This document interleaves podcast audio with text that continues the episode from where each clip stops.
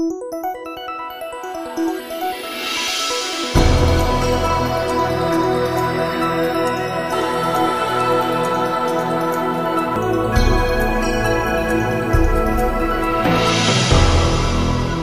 Савцсан өргөм сонсогчдоо Eagle Radio 91.1 радио жиргээ нэвтрүүлгийн өнөөдрийн дугаар сонсогч та бүхэнд хүрэхэд бэлэн болсон байна. Нэвтрүүлгийг Гамбайр миний би хөтлөн явуулна. Twitter орчинд өрнөж байгаа үйл явдлын сонин содон сонирхолтой. Ялангуяа жиргээчдийн маань асуудалд яаж хэрхэн хандж байгаа вэ гэдгийг чадан ядан тайлбарлан хүргье гэж. За жиргээчдийн хувьд бол үйл явдлыг дагаж биш хөтөлж нилээд их асуудалд ханддаг. За тэгвэл Сүүлийн үед буюу ялангуяа засгийн газраар гаргасан зарим нэг мэдээлэлтэй холбоотой жиргэнүүд өөр ирэхгүй анхаарал татсан байна. Жиргээчдийн хамгийн их ярьж байгаа сэдэв бол Монгол улсын ерөнхий сайд оюун эрдэнэ за Монгол улсын зарим нэг үйл ажиллагаатай холбоотой ялангуяа төрийн байгууллагуудын үйл ажиллагааг цэгцлэхтэй холбоотой мэдээллүүдийг гаргасан. Эхний ээлжинд бол засгийн газрын ээлжид хуралдаанаар дөрвөн үндэсний хороо шинээр байгуулж байгааг мэдгдсэн мөн зарим төрийн өмчит компаниудын дарга удирдлагуудыг өөрчилж байгаагаа зарлсан. За тэгвэл үүнийг дагаад бусдын нэр хүндэд халдсан ч тэр за ямар гутаанд оромжсон ч тэр янз бүрийн өнгө аястай мэдээлэлд гарсан. Гэхдээ энийг нь хайчи хэдүүлээ. Зүгээр ярих чаа ганц гол сэдэв бол мэрэгжлийн хяналтын ерөнхий газрын ер нь бол татан буулгая гэдэг агуулгатай мэдээллийг нийгэм түгээлээ. Энэ мэдээлэл өөрөө цаана агүй олон талын одоо юу гэдэг үр дагавартай гэдгийг бол онцлох хэрэгтэй. Нэгдүгээр мэрэгжлийн албан ерхий газрыг татан буулгая гэдэг санаа гаргасан уу эсвэл буулгах уу яах уу гэдээ ард иргэдээс санал авч байгаа нөгөө нэг тестийнхаа мессежийг шийдвүү гэдэг асуудал дээр анхаарал төвлөрч байна. Уг нь бол мэрэгжлийн албан ерхий газрыг татан буулгах хэсэг асуудалтай холбоотой саналууд иргэдээс өнгөрсөн аваар нэлээдгүй гарсан байдаг. Ер нь энэ үйл ажиллагааны чиглэлд давхцсан тий. Ингээд төрийн төрийн нэр юмнаас ард иргэдэг ялангуяа жижиг дунд бизнес эрхлэгчдэд дарамтлагдаг энэ байгууллага байх асгүй гэдэг зүйлүүд маш хүчтэй ярьсан. Миний хувьд ч гэсэн энэ асуудалтай холбогдуулан тухайн цаг үед бас мэдээллүүдийг та бүхэнд хүргэж ирсэн. Ерөнхийдөө чиглэлэн давхцсан үйл ажиллагаанд тодорхойгүй хааж боох дарамтлах ийм дэвсэг болсон байгууллага нь байх шаардлагатай юу гэдэг асуудлыг бас ярьж ирсэн. Тэгсэн чинь энэ дээр эхний жиргэг ааха гэдэг хаянаас чиргсэн. Мэргэжлийн хяналтынхан үнэндээ хууль зөрчиж шантаажлдаггүй штэ. Харин ч заа тэгвэл хууль стандартын дагаа явах уу да гэж айлгадаг юм аа. Хууль дүрм нь хөрсөн дөрөө буухгүй байгаатай холбоотой гэв. Яг нөгөө хүнд хэрэгтэй хууль баталсан уу гэдэг чинь энэ дэр гараад ирж байгаа юм л та. Яг хөрсөн дөрөө буудаггүй агаараар амьсгалдаг буюу агаараар юмыг хардаг хүмүүс зориулсан хуулийг баталдаг гэдэг нь эндээс батлагдчих. Тэгээд яг бодиттой нөхцөл байдалтай үйл ажиллагаагаа явуулж явах аж ахуйн нэгжүүд төр нөгөө хууль наалддаггүй. Ингээд мэрэгжлийн хяналтын стандарт гээ буюу батлагдсан хуулийн дагуу шаардлага тавьдаг. Тэрийг хин ч хизээж биелүүлэх боломжгүй л байдаг байхгүй юу яг. За тэгвэл мэрэгжлийн хяналтын чинь яадаг вэ гэсэн чинь манай нөхдүүд жиргсэн жиргээчэд эхнийх нь аа энэ би би 44 G11 гэдэг хаягнаас Маргааш амралтанд чинь дөрвөн хүн очиж амрын шүү гэснээ бүр дөрвөн гэр бүлийн 20-од хүн очиж хүндрэл очиулсан гинлээ. Мэдээж үнгүй байдаг. Вөхөр мэрэгжлийн ялтах ингэж ханддаг гинэ. Хариулт нь төрийн албаагч нар ялангуяа элдв хааж боох хэрэгтэй нөхөд түүний хамаарал бүхий этгээдүүд үйлчлэгээний байгууллагаар үн төлбөргүй үйлчлүүлсэн бол авилга гэж үздэг хатуу шийдэгдэг байх ёстой л баймаргаан гэсэн. Тэг чи болорт уя араас нь жиргсэн. Бизнес гэдэг нэг найз маань бухимдахаараа над руу мессеж өчтдөг юм аа. Саяхан мэрэгжлийн хэлт ерхий газрынхан шалгаад караокег нь 5 саяар торгоод агуулгад нь байсан үнэтэй вискинүүдийг нь хураагаад явчихсан гинэ. Тэгэд мэдээсэлт гаргая гэхээр бүр хавчуулнаа гэд гаргуулдаггүй юм аа. Ста ямар ч бизнес хийхээ арга зам алга гэд бухимдаад ах юм аа гэж. Мэргэжлийн хэлтийн ээлж дарамт тагтаа гэдэг агнаас. Мэргэжлийн хэлтийн ерхий газрынхан ресторан, пабуудад шалгалт хийгээд их багч зөрчил байсан ялгаагүй. За техник нь вино архинаас нь хамгийн үнэтэйг нь дээрэмддэг юм байна лээ. Зөрчил гаргасан аж ахуйн нэгжүүд нь таг доогүй харин байцаагч нь энэ аргаараа баяццаадаг. Лойр гэдэг агнаас ч ирсэн. Дүүрэг энтергээд олон нөхдүүд би саяхан салхинд гарах гэж байна. Хоол хүнс уух юмаа бэлдгээд чаасан байлээ цаад болчих гэсэн. Амиргоц. Нүг байгуулга амралтаараа ингээ явах гэж байгаа юм л да үндсэндээ төрийн байгууллага. Тэгэхээр хөөе хоолонд нөө охинудаа бэлтээрээ гээд байцаагчнаа гаргаа явуулж ирж байна. Араа юу. Тэгээ бас нэг хурж иргэсэн доотлолт нь. Үгүй үнэн инээдэмтэй гинэ. Караокег орж 5 саяын торгуулт тавилаа. Игчээгээд учирлаж гуйсан дүү хүүгийн өдөөс харж ирсэн. Тэгвэл тэдрээгээ өгчих гээд хитэн үнтэй вискиг нь зааж. Игчээ цөөхий дайрах байх ахгүй гэж чинь. Игчин цагаан мод үстэй гэж хариулсан байна. Бас л эвгүй те. Тэгээд хамгийн гол нь жижиг дунд нөгөө нэг бизнес эрхлэгч буюу анхан шатны гэж хэлж болохоор энэ нөхдүүд маань яг ингээд дүүргийн нийслэлийн ч гэдэм ерхий газрын энэ байцаагч нар хурж ирээд ингээд инглээ ийм юм аваад явлаа гэхээр нөгөө хідэн үеэрэ гэдэг шиг дарамтлуулдаг араас нь энэ газар чинь одоо ингээд нөгөө шантаж гэдэг газар чинь юу шүү дээ гэхэд нөөтөнд заагаад өгчдөг дараагийн үндэ эсвэл өөр нэг байцаагчтай очиод хилчдэг. Тэнд нэг юм гамбэр гэдэг нэртэй газар байгаа. Тэрийг очиод дарамтлаараа та нар гээд зааж өгөө явуулцдаг Тэр нүг хитэн үеэр ингээд хараалгуулж байгаа тэр дөөрхий. Ийм өвөөгүй байдал нь үнэхээр яг жижиг дунд бизнес эрхэлдэг нөхдүүдийг дээж нэг гаргахгүй болж байгаа маа л гэж хэлэх гээд. Тэг чи энэ яраас жиргсэн. Айри гэдэг нь хурж иргэж байгаа. За энэ жиргэн дээр холбоотойгоор нэг зураг нийтлэгдсэн. Юу вэ гэхээр Монголын улс төрд 20 30 жил ерөөхдөө дарга даамал хийж явсан эрхмүүдийн зураг байгаа. Энэ эрхмэд бүгдээр үр хүүхдтэй. Тэгээ том ууган хүүхдүүдийн зургийг доотлол нэг нийтэлчихсэн. Одоо гамбайрын хүүхэд тэр тэ доржийн хүүхэд тэр гэдэг. Би нэрийг нийлээд явах яшиг. Манай жиргээчд өөрсдөө ороо үзэж байгаа харж байгаа юм чи. Том том мундаг хүмүүсийн зургууд. Тэгээ дандаа өөрсдийнх нь хүүхдүүдийн зургууд ингэ тавьчихсан. Хөгшчүүл нь эмээ өвөө ээж аав нарын минь татвараар тоглож ард иргэдээ тархитаж улс их орны минь самарсан одоо үр хүүхдүүд нь манусын амьдралаар наатахар шийдэж л тэ муусан шимэгчд хаан засаглалтаа улсад амьдраагүй шүү. Бүгдээрээ нэрээ яндаа гэсэн. Араас нь Монгол улс угсаад залгамжилсан үе улираан зэрэгдэг болгодог каст системийг жигнэсээ бий болгож байна. Даргын хүүхдүүд л дарга болно. Дахиад нөгөө нөхдүүдийн зураг явж. Яасан бэ гэсэн чинь Монгол ардын намын дэрэгдэх залуучуудын байгууллагын ээлжид хуралдаан болсон байна. Намзэхэ гэж ярьдаг. Тэ нийгмийн ажил Монголын залуучуудын холбоо гэдэг. Энийний ээлжид хуралдаан болоод удирдах зөвлөл болоод нөх хурган дарга нарыг томилдог те. Өөрөөр хэлэх юм бол дараагийн том дарга болох гişгүүр болдог энэ байгууллагын хурган дарга нар дандаа нөгөө нэг өвөө эмээ сайд хийжсэн, дарга хийжсэн, аав ээж нь сайд хийжсэн их хурлын гишүүн байсан нөхдүүдийн төрийн өмчт компаниудын захирлуудын хүүхдүүд намзаагийн удирдах зөвлөл буюу хурган дарга нар болжээ. Ерсөөл юм. Тэгээд би нэг юм ойлгохгүй байгаа байхгүй даргын хүүхэд дарга болдог энэ кастинг систем Монгол улс одоо халахгүй болохгүй нэ. Энэ залуучууд ч гэсэн өөрсдөө ичих хэрэгтэй байхгүй яг үндэ. Энэ залуучууд яаж ичих хэрэгтэй вэ гэхээр за аав минь төрийн ажлыг насаараа нохлууллаа. Миний аав төрийн ажлыг миний өвөө төрийн татврын мөнгөөр насаараа цуглууллаа. Тэ? Надад одоо суралц боловсрох нь олон боломжийг олгосон аав ихтэй баярлалаа. Гэхдээ би цаний зам мөрийг арай өөр салбарт хөгжүүлээгээд гараад ирж болтгоо мó гэж хэлэх гэдэг заавал төрийн мөнгөөр тоглолдог ийм дарга нарын хүүхдүүд ийм дарга байх хэрэгтэй мó. Тэр үр хүүхдүүд нь ч гэсэн бас өөрсдөө жоохон тийм ухамсартай байна шүү дээ. Монгол улсыг хөгжүүлэх гэж байгаа бол заавал дарга байж хөгжүүлж яах гэдэг.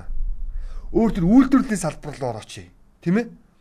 Бусад энэ салбар руу ороод дарга бишээр хөгжих тийм үү? Ягаад тэр хүмүүс чинь үр хүүхдүүдэд хөрөнгө өгчихсөн тийм өөр хүмүүстэй боломжийг нэгэд өчгсөн. Тэгвэл тэр боломжийн дээр нь дөрөөлөд бусад салбарыг минь хөгжүүлж өгөөч. Улс төрийг бити хөгжүүлээч. Энд нь өөр хүмүүс нь ороод тээ. Даргын үг дарга байдаг энэ каст систем одоо халаач ял гэж хэлэх гээд. Заггүйсэн балиар. Тэг яг Монголын ард түмэн энэ хүмүүс ямар өртөө юм бэ гэж хэлмээр санагдчих шүү дээ яг үнэндээ. Үнэхээр ингээд харахаар бүр ингээд зарим бүр ой готмор даргын үг заавал яга дарга байх хэрэгтэй юм би. Зүгээр мөрөөрө тэр даргын хүүхдүүд өөр салбарыг хөгжүүлээч. Тэр унчаад байгаа үйлдвэрлэлийн салбарыг гадаад худалдаа тий Тэгээ ингээд тэнцээ чинь ингээд үйл ажиллагаа явуулж аж ахуйн нэгж компаниудын зовлон давхар үүрээд аа ингээд идэр чинь ингээд өглөөд идэг юм. Тэгвэл энийг өөрчлөхөд бид нар бас оролцъё гэд тийм. Тэгтээ дарга болж оролцох хэрэгтэй биш байхгүй. Бүр яаж хэлмээр би бүр ингээд ойлгохгүй. Ууртай ярьчихна тийм. Тэгээ даргын хүү дарга байдагтай адилхан зүгээр нэг жишээ одоо би арай өөр талаас нь тайлбарлаа. Зандаа хүүгийн инх бол тэгээд мундаг хүн байдаг. Монгол улсын их хурлын дарга хийжсэн ерөнхийлөгчийн хамгийн газар хийжсэн. Төрийн өмчийн орооны дарга хийжсэн. Насаараа бас дарга хийсэн хүн шүү дээ. Одоо нам нь ялагдлүүлээч лаад хөшгөлж байгаа. Гэтэ яг хөшгөлөөгүй л дээ. Нөгөө нэг залуу занд нь дарга ахуудаа цоглуулсан хөрөнгөөр л ерөөхдөө бол тоглож суугаа хүн шүү дээ. За энэ хурж иргэжээ. Төрийн хүн байгууллагын үйл ажиллагааг шүүмжилж иргсэн. Яасан бэхээр өчтөр засгийн газрын ээлж хуралдааны дараагаар болор эрдэнэ гээд маа нэг агентлагийн дарга байдаг харилцаа холбоо технологийн газар гэдэг хаа та. Энэ газрын дарга юу гэж хэлсэн бэхээр ер нь 10 дугаар сарын 1-ээс эхлээд энэ иргэдийн мэдээллийн дата баазыг үндэслээд за ингээд и баримт гэдэг энэ аппликейшнийг хөгжүүлж байгаагийн хүчин за энэний бас нэг үр шимийг иргэд хүртэх ёстой. Үүний нэг хэлбэр бол за жолооч нар жолооны үнэлгээ марцсныхын төлөө торгуулдаггүй байх энэ системийг одоо оруулж ирнэ гэж хэлсэн. Яасан бэ гэхээр өнгөрсөн хугацаанд яаж юусэн бэ гэхээр жолооны эрхтэй мөртлөө жолооны үнэлгээ мартаад явсныхаа төлөө замын цагдаагийнхаа давхар торгодог гэсэн. Нэгдүгürt зөрчлөө хуулиар те. Хоёрдугаар жолоочийн үүрэг хариуцлага гэдэг юм аа те. Бас ингэ биелүүлээгүй гэдэг агуулгаараа хоёр торгуул ингэж төлдөг гэсэн. Тэгээд энийг замын цагдаагийн нөхдүүд яаж тайлбарладаг байсан бэ вэ гэхээр ямар нэг осол аваар болоод яах юм? Тэр хүний цусны бүлгийг бид нар мэдэхгүй шүү дээ гэдэг байсан бохоггүй юу? Тэнхтээд байгаараа гэж хэлэх гээд байсан байхгүй уг нь бол тэр үе чинь жолооч нар их тэмцдэг ус. Тэгээ ашгүй энэ иргэдийг давхар торгодогийн тогтолцооноос энэ төр салгаж байгаа юм байна гэд баярлаад хүлээгээд авсан чинь үндсэн жиргэний эзэн замдаагүйгийн инх бол энэ мэдээллийг ингэж тавингуудаа гийгүүлжтэй гэдээ араас нь явуулсан л та. Гийгүүлж байгаа юм л да яг үндэ бол та бол энийг ойлгохгүй. Инх болдгоо бол энийг ойлгохгүй. Яг тэр энэ хүн чинь жолооны үнэлэхтэй ч байсан үнэлэхгүй ч байсан жолоо барьж үзээгүй л юм багхгүй юу. Насаараа дарах хийсэн юм чи жолоочтой байсан юм чи. Нь ойлгохгүй та энэ жолооны үнэлэхээр ингэж үзүүл шалгуулж шалгуулжаагүй байж болно. Тэгтэл жирийн иргэд чинь үнэлэхээ өөр хувцсныхаа халаасанд орхиод явсан гэдэг ямар нэгэн тохиолдолд орхиод явсныхын төлөө хідэн одоо өнгөрсөн таны 30 жил дарга хийж байгаа хугацаанд торгуулж исэн байхгүй юу бид нар. Давхар торгуулж исэн. Эхлээд нөө зөрчлөө үеийн 10 мянга ч гэдэг юм уу те. Тэнгуудаа жолооны үнэлгээ марцны дахиад 20 мянга ч гэдэг юм уу. Ингээ оноогоо асуулдаг ч юм. Ямар нэгэн байдлаар давхар торгуулыг бид нар амсч явсан юм аа. Тэгэхээр ямар ч зэн төр бол гийгүүлж байгаамаа биднийг. Харин та энэ зовлон ойлгоогүй байж магадгүй. Дарга нар чи энэ юм харахгүй шүү дээ, мэдэхгүй шүү дээ. Хөрсөн дээр бууж үзээгүй байхгүй. Хамгийн сүүлд инх бол даргаыг хідэн төгрөг тоолж үзсэн би бас асуумаар санагдаад байна. Яг гар дээр ингээ мөнгө тоолоод дэлгүүрт орд худалдаа авалт хийсэн үгүй бас гайхамшигтай баримт гарч ирэх байхаа гэж бодоод байт. Зэ. Жон гүрдс нү гайгүй юу? За дараагийн нэг жиргээ нэг ийм жиргээ байна. Сиддэрж гээд бас насаараа дарга хийсэн дарга нарын маань нэг л дээ би бас одоо энэ өнөөдөр чи яах цаа бах юм жиргээ авсан бах юм. Энд чинь нөгөө 5 7 дарга марга бас хийжсэн нөхөр ах уу. Ингэжээ алимны зураг оруулсан. Өмнө Говь аймгийн хан хонгор сумын нутагт ургадаг хаттын алим анх 1972 онд за ингээд Өмнө Говь аймгаас Говь Алтай аймагт 250 энгийг өгөөд 400 алимны суулгах завчирч тарьсан нь одоо хүртэл үр жимсээ өгч байна. Говийн брэнд болсон хаттын алимыг мөнх жаргалын ажилсаг гэр бүл ургаж арчилдаг юм аа гэсэн. Ургуулж арчилдаг гэсэн жиргэг оруулсан байна. Тэгээ би бодлоо л да 250 ингээр 400 суулгах завчсагаар тухайн цаг үед бас аа ягсан үнэтэй авчихсан байх шүү. Гэтэ энэ чинь нөгөө тухайн цаг үеийн үн ханшаар бол бодоогүй бах. Зүгээр нэг социалист систем үйлдвэрлэж исэн. За ингээд нутаг сэлгдэг штэ тий. Тэмээг малын үржлийг сайжруулах, цусын бас тий холдуулах гэдэг нэг ийм бас хөтөлбөрийн хүрээнд говийн тэмээг өмнө говийн тэмээг гов алтаа руу бас явуулж ирсэн баг. Тэгээд гов алтаахан бас айц зүгээр ах уу те. Хариуд нь ингээд бэлгэнд падарк гэж ярьдаг те. Ийм алюминий сулгаж өгчээсэн баг. Тэгээд энэ жиргэг би яагаад чирж ирсэн бэ гэхээр одоо аймагуд энийгээ бүр аягүй сан төгөлдржүүлмээр байна. Зах зээлийн систем рүү оруулаад. Тэр Сүхбаатарт байгаа асуудлууд те өмнө говьд байгаа асуудлууд, сэлэнгэд байгаа асуудлууд, ховдод байгаа асуудлуудыг яг энэ хэлбэрээр бас жоохон ингээд өөрчлөмөр байгаа юм аа. За бизнес эрхэлж байгаа зарим байгууллагууд бол малын селекцийн аргыг бол нэлээд ашиглаад байгаа. За хамгийн энэ дээр хамгийн сайн ашиглагдж байгаа селекцийн арга бол хурдуудмын адуул байна л да. Тэр нэг зүүн аймагуудаас адуу овооны наадам төрүүлсэн л бол хурдтай болчтیں۔ гэдэг шиг бүгдийг тэрж явж байгаа. Зөрүүлээд бид нар бас зүүн аймагтаа бас газар тариалан хөгжүүлмээр байгаа. Манай зүүн аймгийн чинь ногоон могоо тарьж мэддэг юм шүү дээ. Тэгээ бас хамгийн харамсалтай нь зүүн аймгийн чинь энэ юу яадаг юм? Цагаан эдэ боловсруулж мэддэг юм. Цагаан тос мос гэж байдаг юм шүү дээ харамсалтай. Хэдэн бор ааруулнууд л сайхан хатаадаг. Өөр тийм цагаан эдэний юм соёлгүй юм байлээ. Тэгэхээр энэ минийгээ бас хоорондоо солилцоо те. Инким бол бас манайх дотооддоо энэ юм юм хөгжүүлэх боломж биднэрт байна л гэж зүгээр хэлэхэд энэ жиргэг чирсэн шүү.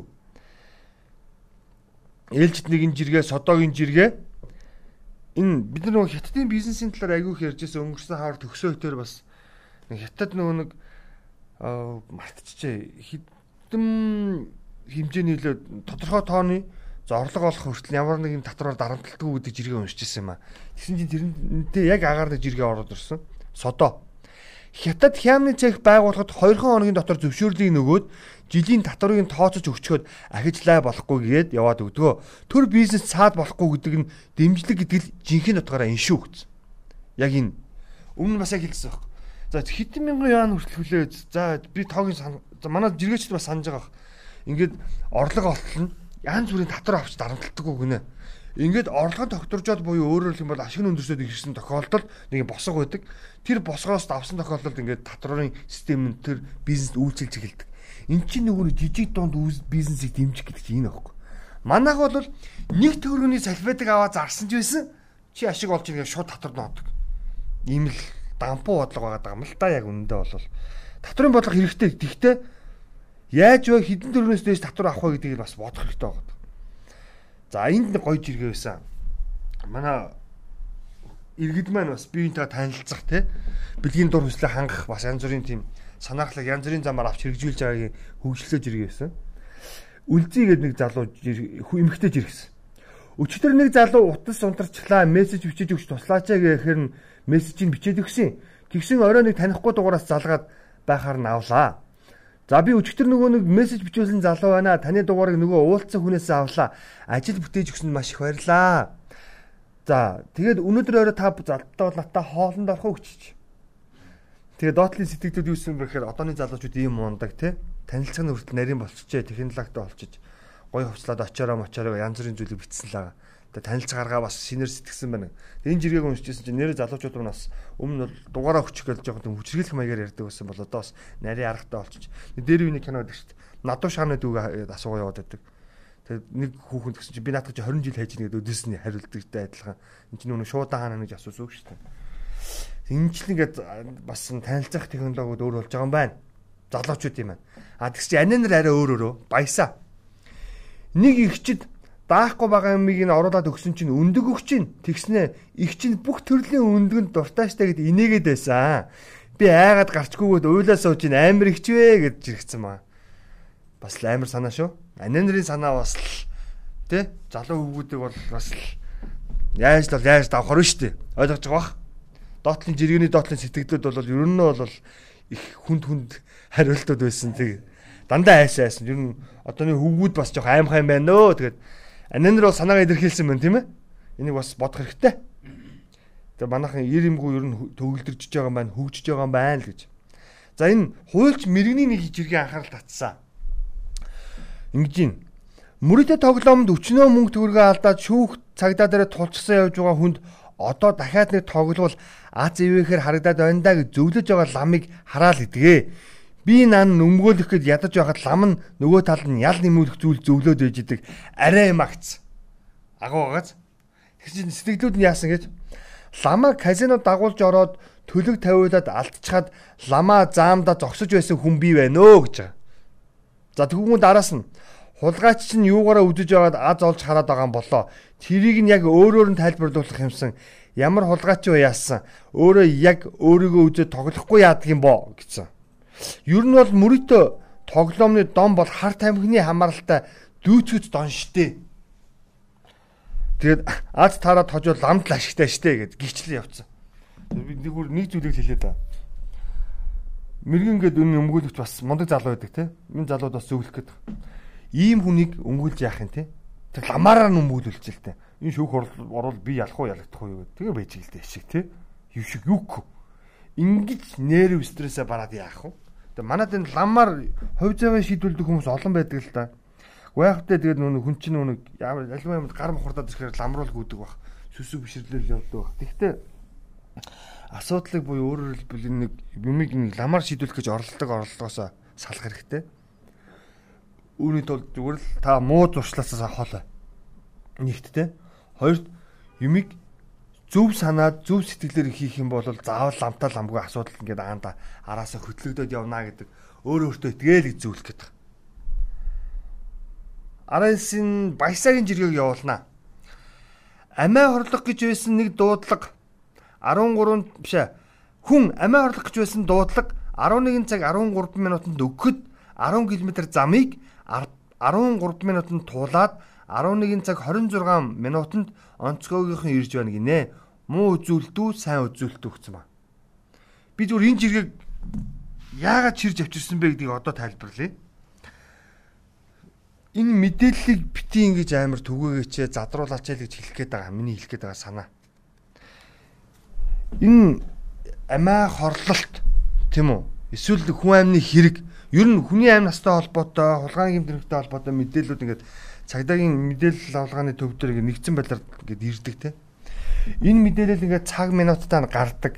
Энэ мэдээлэл үйлдэлүүтэй нь гардаг нь манай дарга нарын хийж байгаа үйлдэл юм байлээ. Цагдаагийн байгууллагаас буюу дуудлага мэдээллийн төвд ирж байгаа дуудлагууд ингээд хоногийн 24 цагт боловсрогдоод өглөө 7 цагт ингээд драфт болоод за ингээд засгийн газрын ордон руу явдаг юм байна л да. Үндэсний аюулгүй байдлын зөвлөл рүү гэсэн үг шүү дээ. За ингээд засгийн газар руу явхаар энэ мэдээллийг хүлээж авч байгаа даргын туслахаас нэгсэл мэдээлэл задардаг. Тэгээ үүний гай буюу хор уршиг нь юу вэ гэхээр нийгэмд олныг сэртгийлгсэн буюу айлгцаг гимт тэргүүд үг үйлдэл үсгтэйгээ бичигдэж байгаа нь өөрөө айц дагуулад байгаа маа л гэж хэлдэг. Саяхан баг насны хүмүүс биенийхээ амьд төрсэн мэдээлэл байсан тий. Энийг үг үйлдэлтэй нэгэ бичээд явуулж гинэ гэдэг маань энэ мэдээллийг цагдаагийн задлалтгүй юм байлээ шүү гэж хэлдэг. Нэг хэсэг цагдаагийнхнаа хардаад шалгасан шүү дээ. Цагдаагийнхны уцыг чагнасан, мессежийг ин үзсэн. Тэр бүхэл цагдаагийн мэдээлэл задлдаг буюу албаа гэж тодорхой болсон шүү дээ. Зарим сайтуудаа хамтарч ажилладаг гэдэг. Хэрэг өгч, хэргийн мэдээлэл өгч гэдэг. Тэгээ цагдаагийнхны цэгцэнд нь оруулсан. Өөрөөр хэлэх юм бол тодорхой мэдээллийг зөвхөн дарганаар тараадаг тодорхой болсон.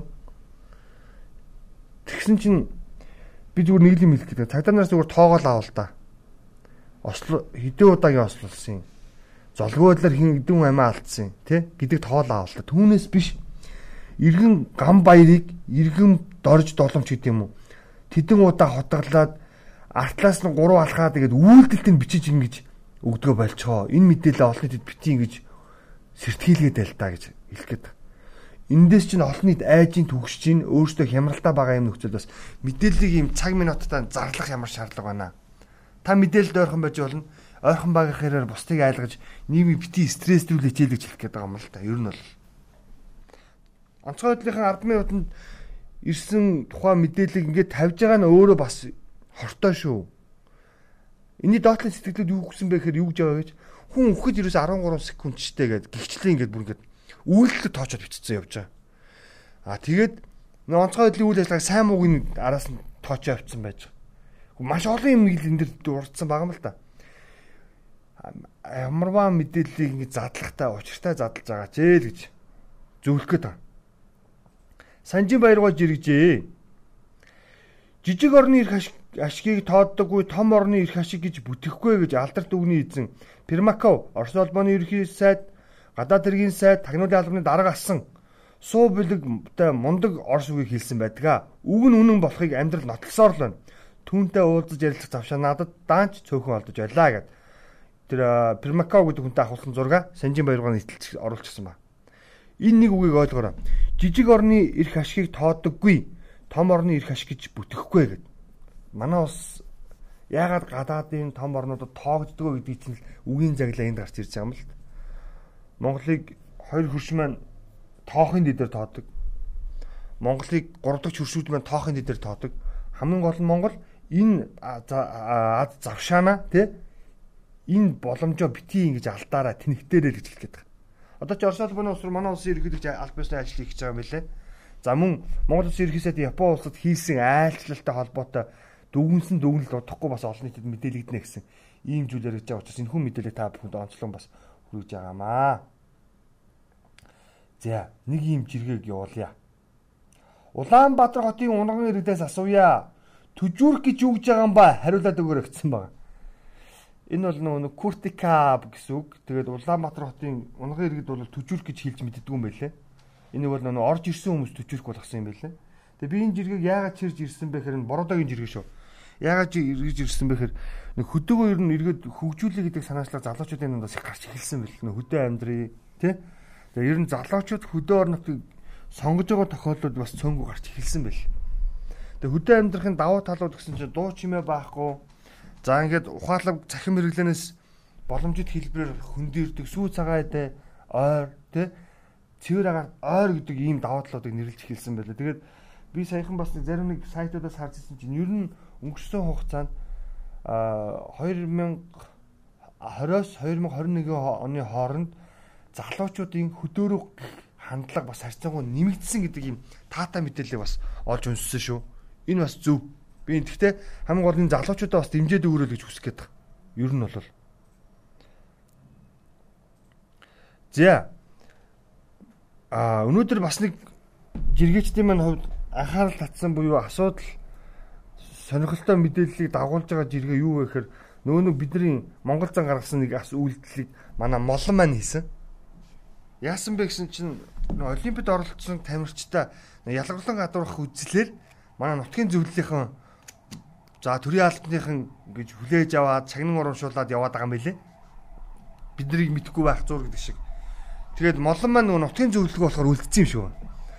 Тэгэд яг нутгийн зөвлөл нь үлдээсэн үү төр үлдээсэн үү гэдгийг бол би одоо хэлж мэдэхгүй байна.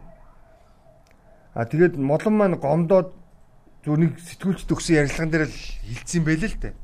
Яг жоохон юм ялгаж байгаа гэдээ хилцсэн байлээ. Тэгээд би зүгээр яг тэр молмыг голсон гомдоосон гомдоогоогүй гэхээсээ илүүтэй зүгээр молмыга нэг нь нутгийн зөвлөл болгоод яг медаль авч байгаа шиг авч явах үе шиг нь манай нутаг гэдээсэн шиг нь бас нутагтаа багтаачаач ээ гэж хэлэх гээд. Тэгээ эн чинь моломдоо хандаж хэлэхэд нөө саяд моллайда хандаж хэлэхэд эн чинь монголчуудын зан шүү уучлаарай те. Монголчууд ер нь л ийм хүмүүс шүү дээ гэж хэлэх гээд. За. Аа энэ хин молмын зүгээр гол яриад байгаа зүйл нь юу юм бэлээ л дээ надад жижигхэн бэлэг хэрэггүй. Ер нь бол тэ том дэмжлэг улсын дэмжлэг хэрэгтэй гэсэн санааг хэлсэн бэл өөрийнхөө санаан дээр. Тэгээ манайх одоо яах ёстой байгаа энийг одоо молмын санааг одоо маа Жинко маань гүйцэлдүүлэх байгаа л гэж найдаад байгаа шүү дээ. За, ерөнхийдөө өнөөдрийн жиргээ энэ хүрээд өндөрлөж байна. Тэгээ молонтой ярьсан дээр нэг төгсгөлд нэг жиргээ явуулчих. Гонгорж оюу Ганбат медаль авсан 3 Монголд бүгд нь орон гэртээ байж л таараа.